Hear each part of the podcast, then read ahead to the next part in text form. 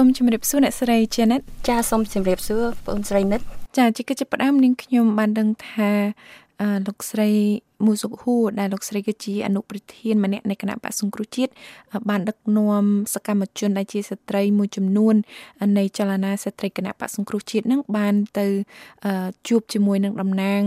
នៃអង្គការសហប្រជាជាតិកាលពីប្រហែលថ្ងៃមុននេះ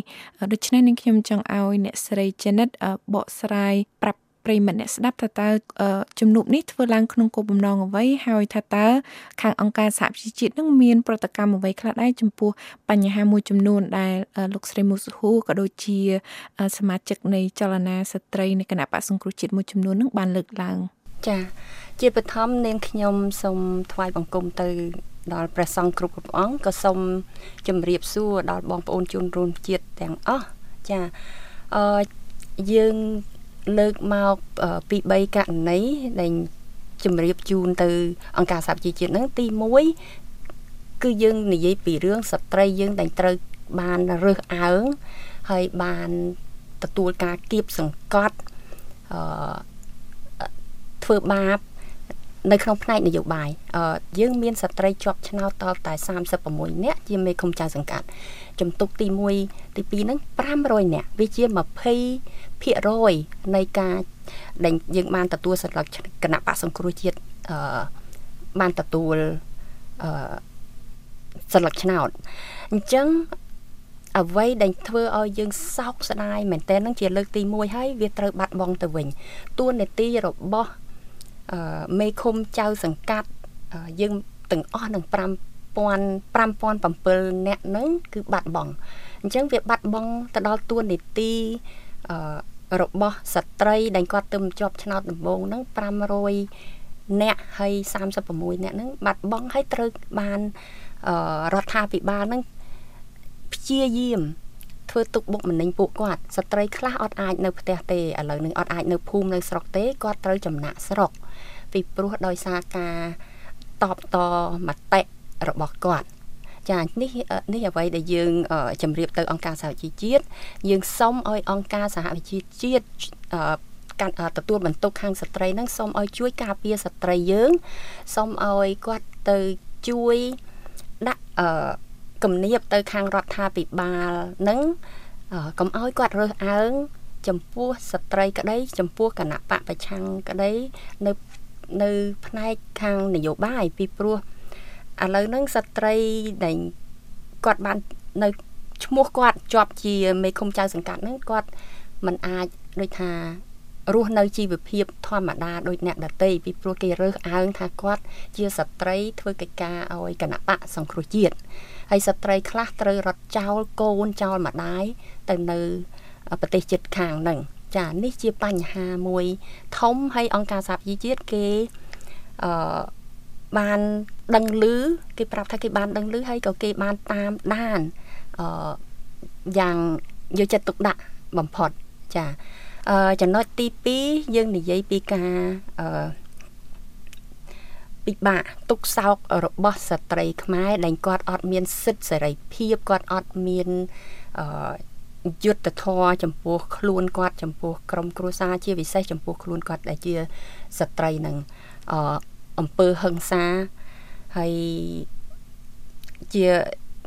ជាការគៀបសង្កត់ចានៅក្នុងសង្គមទាំងមូលហ្នឹងអញ្ចឹងគាត់ឃើញថាប្រទេសខ្មែរយើង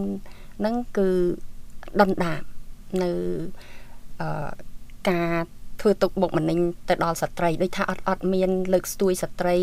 ទៅដល់ទៅដល់កម្រិតដែលគេចង់បាន ហើយក៏អត់មានឲ្យឱកាសស្ត្រីបញ្ចេញសមត្ថភាពគាត់ស្នាដៃគាត់ចានៅចំណុចទី3យើងនិយាយពីរឿងច្បាប់ចាពីរឿងពីរឿងច្បាប់យើងចង់អឺធ្វើយ៉ាងម៉េចអង្គការសហជាតិជាតិនឹងអាចជួយ ជំរុញច្បាប់ឬមួយធ្វើច្បាប់អ្វីមួយឲ្យជួយការពារនៅទុកការពារស្ត្រីយើងនឹងចា នឹងខ្ញុំចង់ដឹងថាក្នុងនាមជាសមាជិកសកម្មជនស្ត្រីនៃគណៈបកសង្គ្រោះជាតិប្រចាំបណ្ដាញសកលលោកនឹងតើអ្នកស្រីយល់ឃើញយ៉ាងណាខ្លះចំពោះសិទ្ធិនយោបាយរបស់ស្ត្រីកម្ពុជាយើងជាពិសេសចង់ឲ្យអ្នកស្រីប្រៀបធៀបពីសិទ្ធិនយោបាយរបស់ស្ត្រីនៃគណៈបកប្រឆាំងជាមួយនឹងសិទ្ធិនយោបាយរបស់ស្ត្រីនៃគណៈបកកណ្ដាលអំណាចអឺឥឡូវហ្នឹងខ្ញុំមិនបាច់និយាយនៅក្នុងនាមខ្ញុំដែលជាប្រធានចលនាស្ត្រី គណៈបកសង្គ្រោះជាតិបណ្ដាញសកលនេះគ្រាន់តែយើងមើលថាគ្រាន់តែនាមខ្ញុំជាស្ត្រីម្នាក់គ្រប់គ្រងគណៈបកសង្គ្រោះជាតិយើងឃើញថាបើសិនជាខ្ញុំរស់នៅប្រទេសខ្មែរគឺយើងអត់អាចធ្វើកិច្ចការអីក្នុងវិស័យនយោបាយបានទេពីព្រោះយើងជាគណៈបពប្រឆាំងអឺសឹងថាឲ្យតែស្ត្រីឬបុរសក្តី ឲ្យតែជាប់ឈ្មោះថា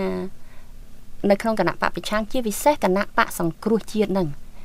គឺថាអត់មានឱកាសមិនត្រឹមតែអត់ឱកាសទេអឺត្រូវបានរដ្ឋាភិបាលធ្វើទុកបុកម្នេញនឹងខ្លាំងហើយបើយើងប្រៀបធៀបទៅគណៈបកកណ្ដាលអំណាចចាអញ្ចឹងយើងឃើញថាมันអាចប្រៀបធៀបគ្នាបាន ពីព្រោះគណៈបកប្រឆាំងយើងធ្វើទៅតាមសមត្ថភាពរបស់យើងទៅតាម ប្រជាពលរដ្ឋអឺបោះឆ្នោតឲ្យទទួលស្គាល់រីឯគណៈបកកាន់អំណាចអឺគាត់មានសិទ្ធិសេរីភាពធ្វើអ្វីអ្វីបានច្រើន ដោយសារគាត់កាន់អំណាចហើយអ្នកដែលកាន់តួនាទីជាពិសេសកាន់តួនាទីធំខ្ពស់អឺជាស្ត្រីហ្នឹងយើងឃើញថាតែងតែជាប់ខ្សែស្រឡាយអ្នកណាទេមួយហ៎ចាអញ្ចឹងវាអត់ប៉ះពាល់គាត់ច្រើនទេ ចាងាកមកចលនាស្ត្រីគណៈបកសង្គ្រោះជាតិវិញនឹងខ្ញុំគិតថាប្រិយមិត្តអ្នកស្ដាប់មួយចំនួនមិនសូវបានដឹងពីចលនានេះទេដូច្នេះនឹងខ្ញុំចង់ឆ្លៀតឱកាសនេះឲ្យអ្នកស្រីចនិតបកស្រាយត្រួសត្រាសថាតើចលនាស្ត្រីគណៈបកសង្គ្រោះជាតិនេះត្រូវបានបង្កើតឡើងនៅពេលណាហើយបានធ្វើសកម្មភាពអ្វីខ្លះហើយត្រូវបានបង្កើតឡើងនឹងក្នុងគោលបំណងអ្វីខ្លះដែរចលនាស្ត្រីកើតយើងចាប់ផ្ដើមឡើងចុ ងឆ្នាំ2012ដើមឆ្នាំ2013ហ្នឹងប៉ុន្តែមិនមែនជាផ្លូវការដែលផ្លូវការទទួលស្គាល់ដល់អឺប្រធានគណៈបកសង្គ្រោះជាតិដែលជាលោកប្រធានសំរងស៊ីអង្គហ្នឹងគាត់នៅជាប្រធានអឺនៅក្នុងខែ6ថ្ងៃ19 2015ចាហើយគោលការណ៍យើងគោលដៅយើង គឺជួយស្ត្រីគ្នាឯងស្ត្រីខ្មែរ ដែលនៅប្រទេសកម្ពុជានឹងដែលគាត់ជួបនឹងទុកលំបាកអឺការគៀបសង្កត់ពីរដ្ឋាភិបាលក្តីហើយក៏គោលគោលដៅយើងនឹងចង់ជួយស្ត្រីអឺដូចថាយើងប្រឆាំងនៅពើហឹង្សានៅក្នុងក្រមគ្រួសារនឹងនឹងជាគោលអឺដៅយើងអ្វីដែលយើងយើងចង់ឃើញមែនតែនគឺថាស្ត្រីមានឱកាស មានឱកាសបង្ហាញទៅសមត្ថនៅសមត្ថភាពរបស់ស្ត្រីនៅក្នុងវិស័យវិស័យអីក៏ដោយវិស័យនយោបាយក្នុងកិច្ចការក្រុមហ៊ុនកិច្ចការសង្គមអីហ្នឹងយើងចង់ជួយជំរុញពួកគាត់ហើយលើកទឹកចិត្តពួកគាត់ជាពិសេសមួយចំណុចទៀតយើងចង់ឲ្យគាត់ស្គាល់សិទ្ធិរបស់គាត់ឲ្យគាត់ចេះប្រើសិទ្ធិរបស់គាត់នៅតាមភូមិប្រទេសគាត់នឹងឲ្យគាត់យល់ឲ្យបានច្រើនចា៎ ចានេះខ្ញុំចង់ឲ្យអ្នកស្រីលើកជាឧទាហរណ៍ខ្លះៗថាតើសកម្មភាពផនចលនាគណៈបកសង្គ្រោះជាតិចលនាស្ត្រីគណៈបកសង្គ្រោះជាតិនឹងបានធ្វើសកម្មភាពអីអឺជាក់ស្ដែងណាខ្លះដែលអ្នកស្រីដែលជា អ្នកបង្កើតហើយជាអ្នកដឹកនាំម្នាក់នឹងមានមានមោទនភាពចំពោះសកម្មភាពផនចលនាស្ត្រីនេះ អឺនៅក្នុងនាមយើង ជាចលនាស្ត្រីគណៈបកសង្គ្រោះជាតិបណ្ដាញសកលអឺយើងបានធ្វើកិច្ចការនេះជាជាសកលជាអឺចូលរួមដោយប្រទេសយ៉ាងច្រើន ដូចជាអូស្ត្រាលីអឺកាណាដាដូចថាប្រទេសច្រើនរហូតទៅដល់ប្រទេសខាងអាស៊ីដូចយើងមានខាងជប៉ុនខាងកូរ៉េម៉ាឡេស៊ីប្រទេសថៃហ្នឹង អឺដែលយើងធ្វើបានជាក់ស្ដែងហើយយើងមានមោទនភាពជាពិសេសខ្ញុំដែលជាថ្នាក់ដឹកនាំមួយហ្នឹងគឺយើងបានជំរុញស្ត្រីអឺយើងឲ្យទៅឈរឈ្មោះជាមេឃុំចៅសង្កាត់នៅ2017ហ្នឹងយើងហៅពួកគាត់ថាយើងឲ្យឈ្មោះពួកគាត់ថាស្ត្រីឆ្នើមអញ្ចឹងយើងឃើញថាស្ត្រីខ្មែរយើងភាកមានភាកច្រើនគាត់អឺគាត់អង់អាចក្លាហាន គាត់ស្រឡាញ់ប្រទេសជាតិគាត់ប៉ុន្តែគាត់នៅខ្វះការអឺបណ្ដុះបណ្ដាលខ្លះហើយនៅខ្វះការលើកទឹកចិត្តហើយនឹងធនធានចាអញ្ចឹងយើងយើងបង្កើត project នេះមួយឡើងមកយើងហៅថា project ស្ត្រីឆ្នើមហ្នឹងយើងជាចលនាស្ត្រីគណៈបកសង្គ្រោះជាតិនៅក្រៅប្រទេសនេះ គឺយើងកាន់ដៃគ្នាយើងរកជាធនធាន ហើយក៏យើងមានបណ្ដាញស្ត្រីយើង នៅស្រុកខ្មែរថ្នាក់ជាតិនឹងដឹកនាំដោយជំទាវគុណលំអងហើយអញ្ចឹងគាត់នៅខាងនោះគាត់ខំប្រឹងបណ្ដុះបណ្ដាលធនធានយើងជូនផ្ញើជូនទៅគាត់បណ្ដុះបណ្ដាលហើយយើងខាងនេះយើងរកយ៉ាងម៉េចយើងគាត់នឹងយើងយើងជម្រាបប្រាប់គាត់ថា យើងធ្វើការចំតាមប្រធានខេត្តដែរយើងថាបើមានស្ត្រីឆ្នើមសូមឲ្យយើងដឹង ហើយយើងចង់ឲ្យគាត់ឈរឈ្មោះទៅតាមលេខរៀងដែលសមនឹងសមត្ថភាពគាត់ចាអឺថ្ងៃបោះឆ្នោតមកដល់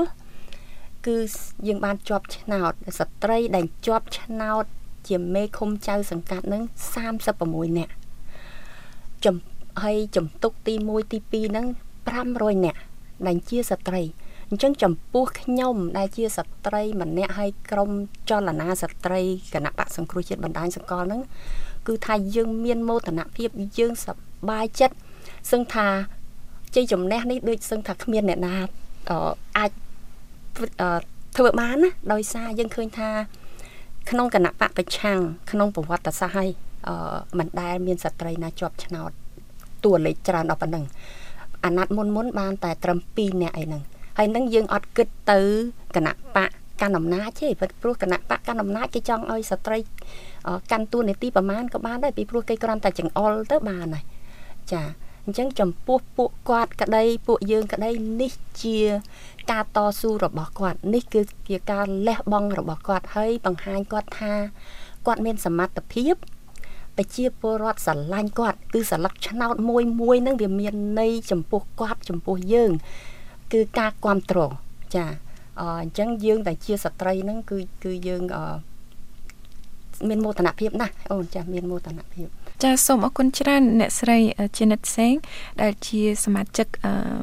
ដឹកនាំម្នាក់នៃចលនាស្ត្រីប្រចាំគណៈបក្សសង្គ្រោះជាតិបណ្ដាញសកលលោកដែលបានផ្ដល់បទសម្ភាសន៍ដល់ VOA នៅថ្ងៃនេះចាសូមអរគុណច្រើនអូន